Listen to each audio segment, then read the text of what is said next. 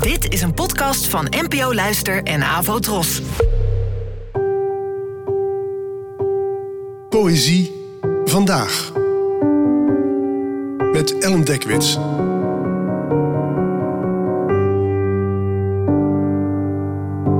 Hallo, fijn dat je luistert. Het gedicht van vandaag werd geschreven door de Amerikaanse dichteres Mary Howe, geboren in 1950 en het werd vertaald door mij. Vanaf mijn vaders kant van het bed. Als hij diep in slaap was en snurkte, en ik voorzichtig van onder zijn zware arm vandaan kroop, schudde ik hem soms een beetje.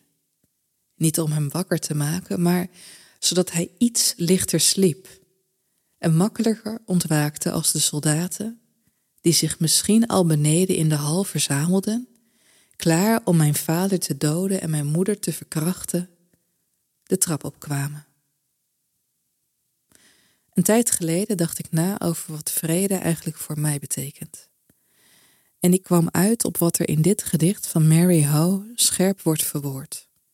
Vrede is zonder angst te kunnen inslapen. Weten dat er niemand in de nacht ongevraagd de trap opkomt. Weten dat je moeders, vaders, zusters, broers, zoons en dochters veilig zijn. Dat niemand je lichaam kan gebruiken, beschadigen of doden. En ik liet dit gedicht lezen aan een vriendin die vanuit Lviv is gevlucht naar Hongarije en daar nu als vluchteling verblijft.